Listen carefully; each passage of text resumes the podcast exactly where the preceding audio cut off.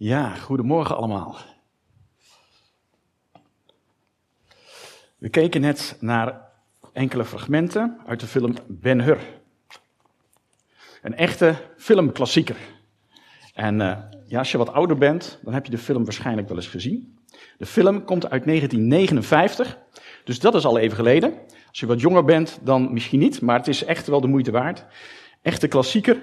De film speelt aan het begin van onze jaartelling.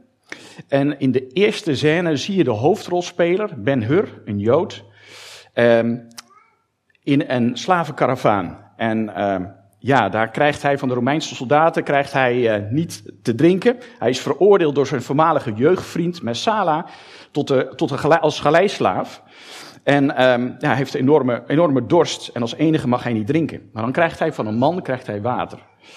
En we zien eigenlijk in de film twee scènes waarin uh, Ben Hur Jezus ontmoet, Jezus tegenkomt.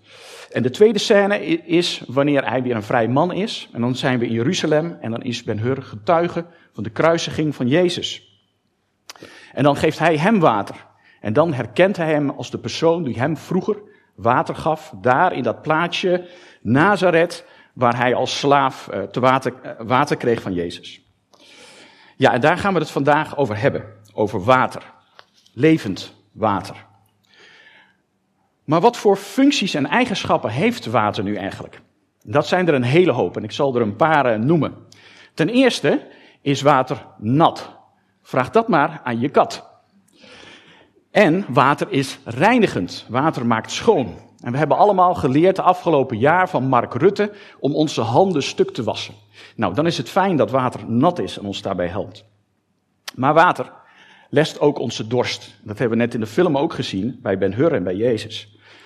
Uh, maar wist je dat water ook veel voeding geeft? Want er zitten hele belangrijke mineralen in water. Calcium, magnesium, kalium, natrium, allemaal hebben die een belangrijke functie in ons lichaam. Maar je kunt ook technisch naar water kijken. Want water, dat is toch gewoon die waterstofmonooxide? He, het bestaat eigenlijk gewoon maar uit twee waterstofatomen die via een elektronenpaar verbonden zijn met een zuurstofatoom onder een hoek van 104,5 graad. Er is een ladingsverdeling in het molecuul, dat geeft een dipolmoment en daardoor krijg je een aantrekkende kracht tussen watermoleculen, de zogenaamde waterstofbruggen. Ja, als je net je eindexamen scheikunde hebt gedaan, dan weet je dat natuurlijk. Maar water is ook een belangrijke bouwsteen van ons leven. Want wist je dat ons lichaam voor ongeveer twee derde uit water bestaat? Kortom, water geeft leven.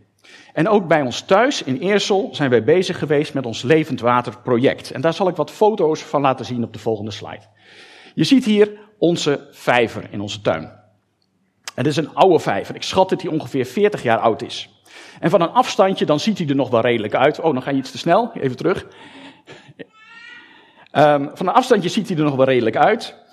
Um, maar aan de zijkant zie je dat de folie vol grote gaten zit.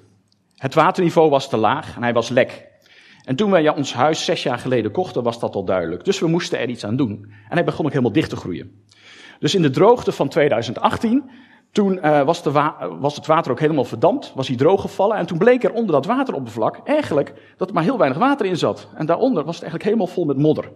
Dus in 2019 hebben we hem helemaal leeggepompt, dat dat zie je hier. En toen zijn we begonnen met het afgraven. Dus al die laag modder hebben we hier, uh, hier ongeveer op de helft hebben we afgegraven en op de zijkanten van de vijver gegooid. Om de vijver ook wat kleiner te maken en hem helemaal uit te diepen. dan mag de volgende foto. Ja, hier zie je mij aan het werk. En uh, zijn we bijna klaar. En uh, tenslotte zie je dan onze vijver, ik hoop dat je het kan zien, ja, helemaal leeg. De folie is eruit en toen bleek hij toch twee meter diep te zijn. Maar was er ongeveer 1,20 meter aan modder terechtgekomen in die 40 jaar. Ja, toen zijn we weer gaan begonnen met het opbouwen van onze vijver. Dat was, uh, nou, de eerste stap is eigenlijk dat, je, dat we plateaus hebben gemaakt, want het was een kuil. En dat is niet goed voor een vijver, er moeten plateaus zijn. En we hebben hem ook ondieper gemaakt. En toen de volgende foto zie je dat we in eind maart begonnen zijn om de vijverfolie te leggen. Nou, dat is een hele klus, want het was 30 meter lang, super zware folie. Maar gelukkig hebben we hulp gehad van zo'n 18 mensen, waarvan een aantal van jullie van de brug. En een aantal familieleden en mensen uit de buurt. En die hebben samen geholpen. Hebben we, uh, eigenlijk binnen een uur hebben we de vijverfolie daar gelegd. En hier zie je hem voor de helft liggen en hier is hij uit uitgevouwen. helemaal in de vijver. En toen konden we de vijver vullen met water. En uh, ja, daar ging ongeveer 250 kub water in. Maar ja, je kunt er wel water in doen, maar binnen no time is die water dan groen. Hoe krijg je nou een gezonde vijver? Ja, daar komt heel wat bij kijken. Het eerste is dat je je vijver moet vullen met zuiver water, met leidingwater. En dus niet met grondwater, daar zit allerlei ijzer in, dat is geen zuiver, dat is geen zuiver water. Je moet leidingwater hebben. En ook geen regenwater, want daar zitten geen mineralen in. De zuurgraad van je water moet goed zijn. De pH moet ongeveer 7 zijn, dat wil zeggen, het water is neutraal. Het mag ook iets basis zijn, iets hoger, maar niet echt lager, niet zuurwater. En er moeten voldoende voedingsstoffen in je water ook zitten. En eh, dat is de hardheid van je water. De belangrijkste hardheid is de kalkgehalte van je water, oftewel de GH-waarde. En bij ons in Eersel hebben we hard water. En dat wil zeggen, dat is zo'n ramp voor de badkamer, want dan moet je poetsen, poetsen, poetsen. Maar voor je vijver is dat heel fijn. Want je GH-waarde moet hoog zijn. Moet er voldoende kalk in zitten. Maar je hebt een andere hardheid, dat is de carbonaathardheid. Dat is je KH-waarde. Ook die moet hoog genoeg zijn. Want carbonaat is weer een bron van CO2 voor je planten. Er moeten namelijk twee waterkringlopen ontstaan in een vijver. Een koolstofkringloop en een stikstofkringloop. Nou, ik wil het niet tegeninwikkeld maken, maar het gaat ongeveer zo. Uh, de waterplanten, die ondergaan fotosynthese onder invloed van licht. Ze nemen CO2 op, wat wij onder andere uitademen, maar ook de vissen. Um, en uh, ze nemen uh, ook nitraat op en mineralen. En dat zetten zij om in zuurstof. Dat geven ze aan het water. En de bacteriën die in je vijver zijn, die nemen dat zuurstof weer op. En die zetten eigenlijk afvalproducten weer om in CO2 en in nitraten. En dat gebruiken die planten dus weer. Dus zo heb je een cirkeltje gekregen. En uh, moet je naar een biologisch evenwicht toewerken in je vijver. Maar als er één dingetje fout gaat van, die, van al, die, al die zaken, ja, dan kan het dus zijn dat het niet goed gaat en je vijver helemaal groen uitslaat van de algen. Ja, de volgende foto zie je dan allerlei dieren en planten die dan in een vijver leven die goed in, in evenwicht is. En er zit al heel veel leven in onze vijver, ook al is hij nog jong. Uh, een voorbeeld daarvan is een prachtig dier, dat is de Alpen watersalamander. Dan zou je denken, hoe komt hij nou uit de Alpen hier? Maar die leeft gewoon bij ons in de tuin. Heeft een oranje buik. En daarvan zijn er, denk ik, zo'n honderd van in onze vijver gekropen. En die komen af en toe, elke paar minuten, komen die naar boven om zuurstof te happen. Dat is prachtig om te zien. Maar er zijn allerlei andere dieren. Er zijn kevers, er zijn libellen, uh, er zijn allerlei insecten. En uh, we hebben er ook waterplanten in gedaan om zuurstof te maken. En uh, er zitten ondertussen ook vissen in. Dus het is een vijver die barst van het leven. Maar niet alleen het leven in de vijver zelf, maar ook de hele omgeving, de hele buurt en alle dieren daarvan, namelijk de vogels of de egeltjes, die genieten ook van die vijver, want daar is het ook een bron van leven voor. Ja, en zoals het met die vijver, zo is het eigenlijk ook met ons geloofsleven. Ook daar moet je leren om je geloofsleven gezond te houden. En daar gaan we met elkaar meer over lezen in, het, in een hoofdstuk in Johannes. We gaan lezen over uh, het verhaal van de Samaritaanse vrouw. Jezus ontmoet een vrouw bij een waterput en hij vraagt haar om water om te drinken. Zo komt hij in gesprek met haar en hij biedt haar zijn levend water aan. We gaan dan lezen uit Johannes 4. Toen Jezus hoorde dat aan de fariseeën verteld werd dat hij meer leerlingen maakte en er ook meer doopte dan Johannes, Jezus doopte overigens niet zelf, zijn leerlingen deden dat, verliet hij Judea en ging weer naar Galilea. En daarvoor moest hij door Samaria heen.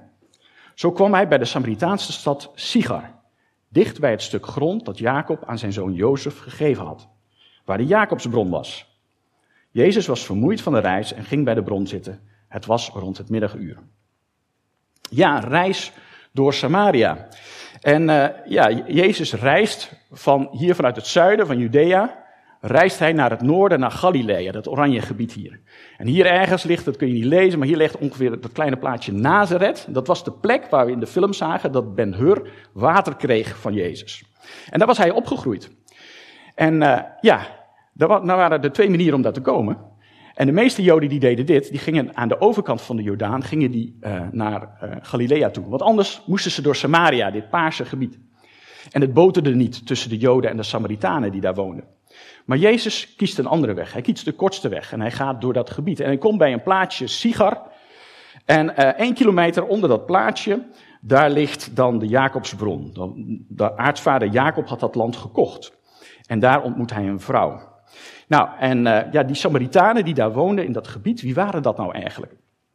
Dat waren eigenlijk uh, mensen die geen Joden waren van oorsprong. Want vele eeuwen daarvoor was er een ballingschap geweest. Toen was het noordelijke gebied van Israël was weggevoerd door de koning van Assyrië.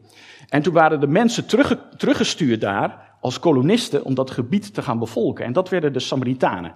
Zij vermengden zich met de mensen die daar woonden. En in de tijd van, van Jezus woonde daar dus dat volk, de Samaritanen.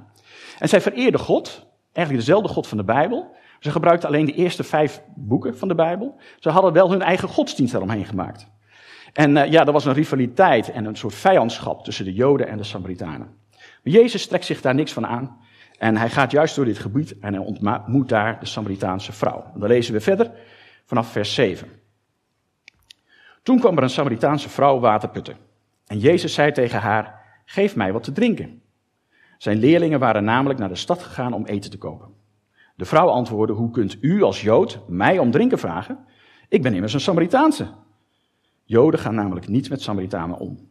En Jezus zei tegen haar: Als u wist wat God wil geven en wie het is die om u om eh, water vraagt, zou u hem erom vragen en dan zou hij u levend water geven. We zien Jezus alleen bij de put en dan plotseling komt er een Samaritaanse vrouw aan die gaat water putten. Maar dat is wel een beetje een vreemd moment op de dag om water te putten, want het is om het middaguur, het is op het heetst van de dag. Dan rust je uit, dan heb je siesta. En waterputten, dat deden de vrouwen ook gezamenlijk aan het begin van de dag als het nog koel is. Maar deze vrouw komt alleen.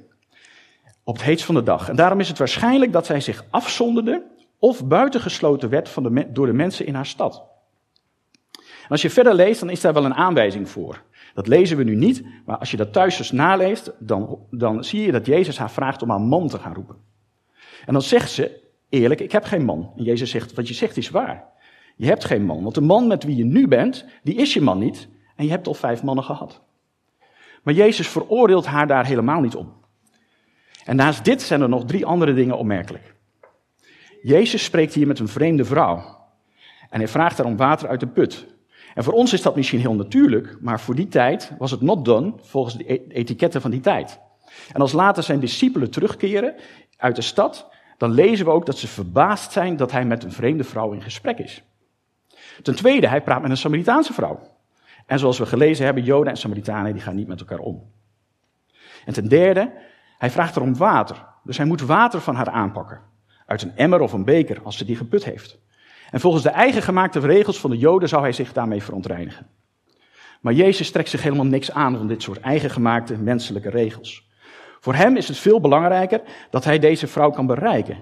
Want hij was er niet om haar te veroordelen, maar hij was er juist voor haar nood. Hij wist van het gat in haar leven. En hij biedt haar juist het levende water aan wat God wil geven. Dan lezen we verder vanaf vers 11.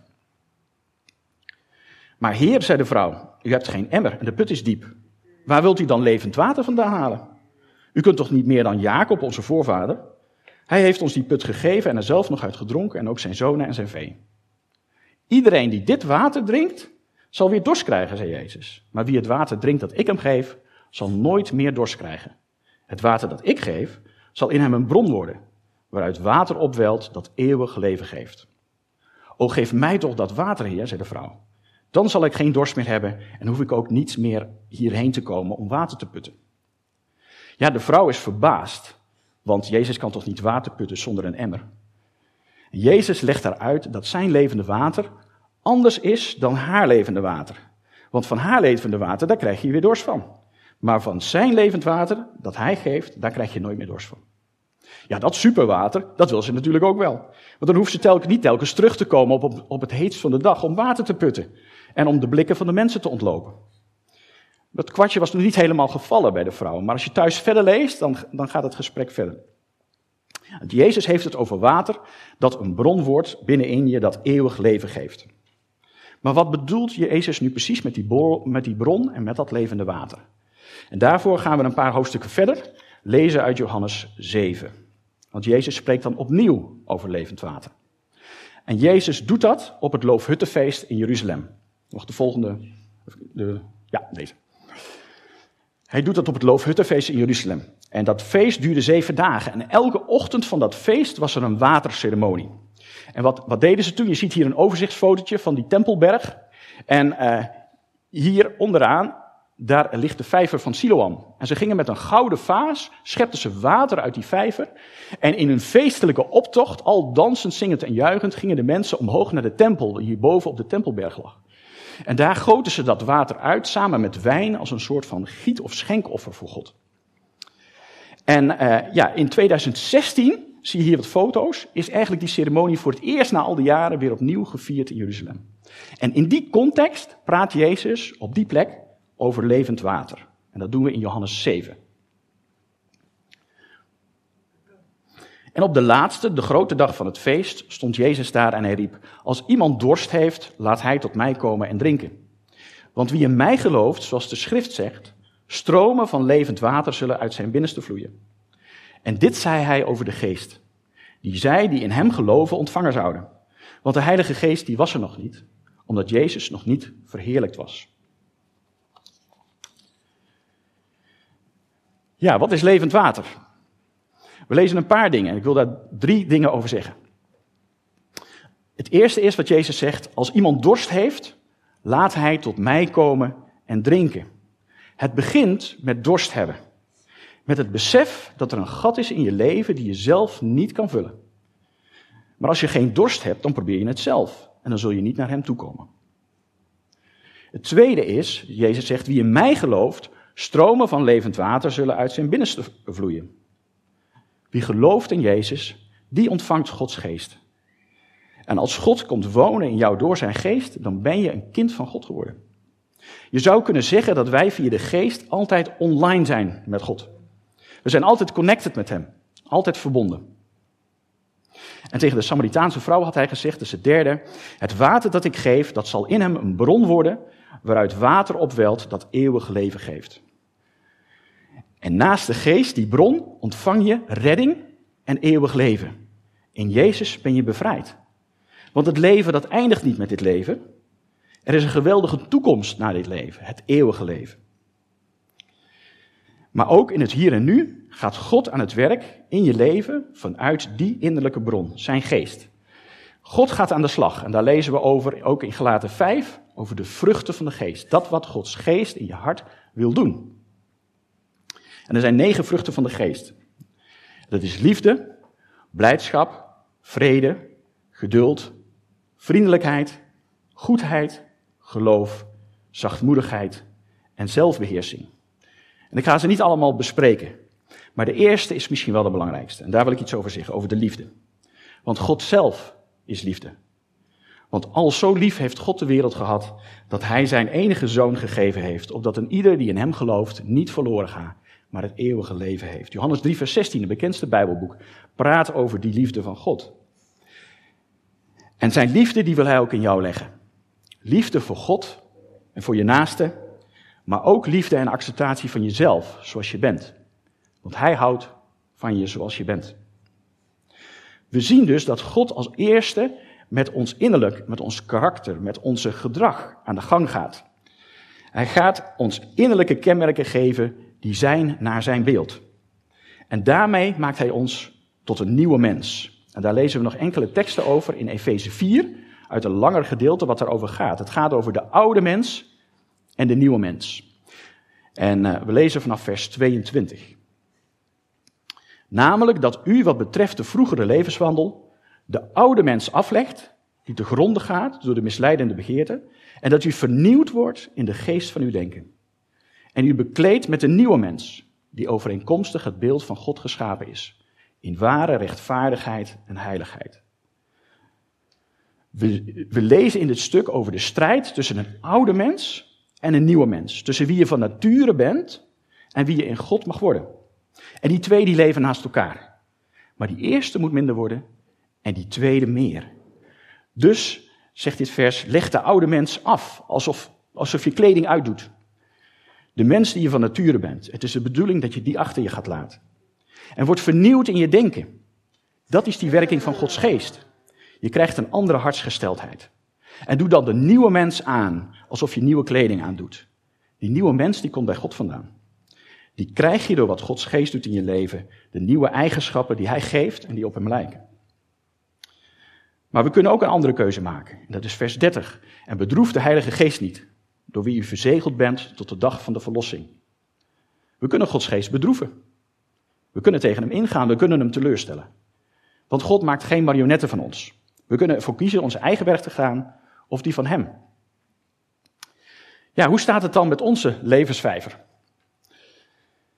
Probeer jezelf je levensvijver te vullen, dat gat in jouw leven, misschien door te zoeken naar geluk, rijkdom of geld, carrière, relaties, liefde. Maar is het nooit genoeg en blijf je maar aan het vullen? Laat je vijver dan vullen met zijn levende water. En daarvoor moet je eerst naar het kruis. Heb je daar geknield? Het begint immers met geloven en het aannemen voor wat hij voor jou heeft gedaan. Hij is gestorven om jou vrij te maken. Als je dat gelooft, dan gaat er levend stroom, water stromen vanuit dat kruis. In je hart. En vanuit je hart stroomt het over. Maar het kan ook zijn dat in onze vijver een andere stroom uitkomt. Misschien wel een, eh, een, een modderstroom. Of nog erger, de riolering. Als, zoiets is, als er zoiets is in je leven, een stroom die niet goed is, die daar niet hoort te zijn, kap het dan af met Gods hulp. Want anders kan je vijver niet gezond worden. Is er misschien in je vijver een schoonmaak nodig? Is er afval in, in, in terechtgekomen als plastic flessen? Als dat iets is wat er niet in thuis hoort, doe het dan weg. En is je water nog in balans? Is je vijverwater misschien verzuurd geraakt door tegenslag of de dingen die gebeurd zijn in het verleden? Is je vijver misschien groen geworden of troebel? Kun je niet meer goed zien? Misschien is je vijver wel dichtgeslipt, zoals onze vijver was, met 40 jaar bladafval. Misschien zijn dat de normale dingen in je leven, waar je altijd maar zo druk mee bent, bezig, bezig, bezig mee bent. Dat er geen ruimte meer is in je vijver voor waar het echt om gaat. Of misschien zeg je, ik ervaar eigenlijk droogte. Is het water op? Is je vijver lek? Misschien ervaar je wel een periode van droogte, dan voelt het misschien of God heel ver weg is. Of begin je te twijfelen aan zijn bestaan. Om onze vijver gezond te houden is het telkens weer belangrijk om terug te keren naar die bron. Dus keer terug naar de bron. Mag de volgende slide. Ja. Want telkens opnieuw mogen we bij hem water putten. Hij staat als een vader op de uitkijk of zijn zoon of dochter weer terugkomt naar huis. Zoek hem op. Want God is niet ver weg. Hij is juist heel dichtbij. Door zijn geest die in jou woont kun je hem ontmoeten. In de stilte kan het zijn, misschien in gebed, in de natuur, in de binnenkamer van je hart, in Gods woord of samen met anderen. Vertel hem wat er niet goed is in je leven en maak het in orde met hem. Hij wil je graag vergeven en je kunt altijd bij hem terugkeren. Want hij wil je hart vullen met zijn levende water, zijn geest. Hij wil je vormen naar zijn beeld, zodat je meer op hem mag gaan lijken. Zodat je een vijver krijgt die schoon en helder mag zijn en vol van leven. Amen. Ja, tot slot uh, is er een doopdienst al aangekondigd. En mocht je zeggen, ik wil die stap gaan maken en ik wil hem gaan volgen in mijn leven, aarzel dan niet, kies voor hem en laat je dopen. Over twee weken om negen uur tijdens de openluchtdienst in de IJzeren Man. Er zijn al drie mensen die zich aangemeld hebben, die willen kiezen voor God en gedoopt worden. Maar er is ruimte voor meer. En nee, dat water is geen drie meter diep. Mag God je zegenen in je zoektocht naar meer van zijn levende water in je leven. Dan wil ik graag nog met jullie bidden. Hemelse Vader, wil u danken, Heer, dat u met ons meegaat, Heer. Dat u alles hebt gedaan voor ons. Dat u uzelf hebt gegeven voor ons, Heer, om ons te trekken tot u, om ons te redden. Heer, en uh, ja, we zijn u dankbaar, Heer, dat, dat u dat hebt willen doen dat u uzelf hebt overgegeven en uh, dat u uw levende water aan ons wil geven, Heer. Want u belooft stromen van levend water zullen uit je binnenste vloeien. Heer, en dat is iets wat we moeten leren, Heer. Um, maar u wil het geven. Door uw geest, Heer. En ja, het, het mag ons leven vullen, Heer. Het mag ons veranderen. En uh, ja, het mag ons vullen. Heer, wilt u zo uh, met ons meegaan? Wilt u ons zo zegenen, Heer? Wilt u uw levende water geven, dat we een gezonde vijver mogen krijgen in ons leven, Heer. Die, uh, waarin we meer en meer op u mogen gaan lijken. Heer, en wilt u ook zegenen, Heer, de doopdienst die eraan komt volgende week. Als er drie mensen zijn die ook een nieuwe stap willen zetten in hun leven en met u verder willen leven, Heer, wilt u het zegenen. Heer, eh, dat we meer mogen ervaren, dat zij ook meer mogen ervaren, Heer, van uw aanwezigheid en uw veranderende kracht in ons leven. Heer, zo uh, willen we u danken voor uw woord en uw belofte die u geeft, Heer, en dat uw zegen ook uh, reikt verder dan dit leven, maar zelfs tot in het eeuwige leven die we bij u mogen hebben. Dank u wel. Amen. We luisteren nog naar een lied van Sela, Vreugde van mijn hart. Ik hoop dat dat ook een moment mag zijn van rust, waarin je Gods mag ontmoeten in je hart.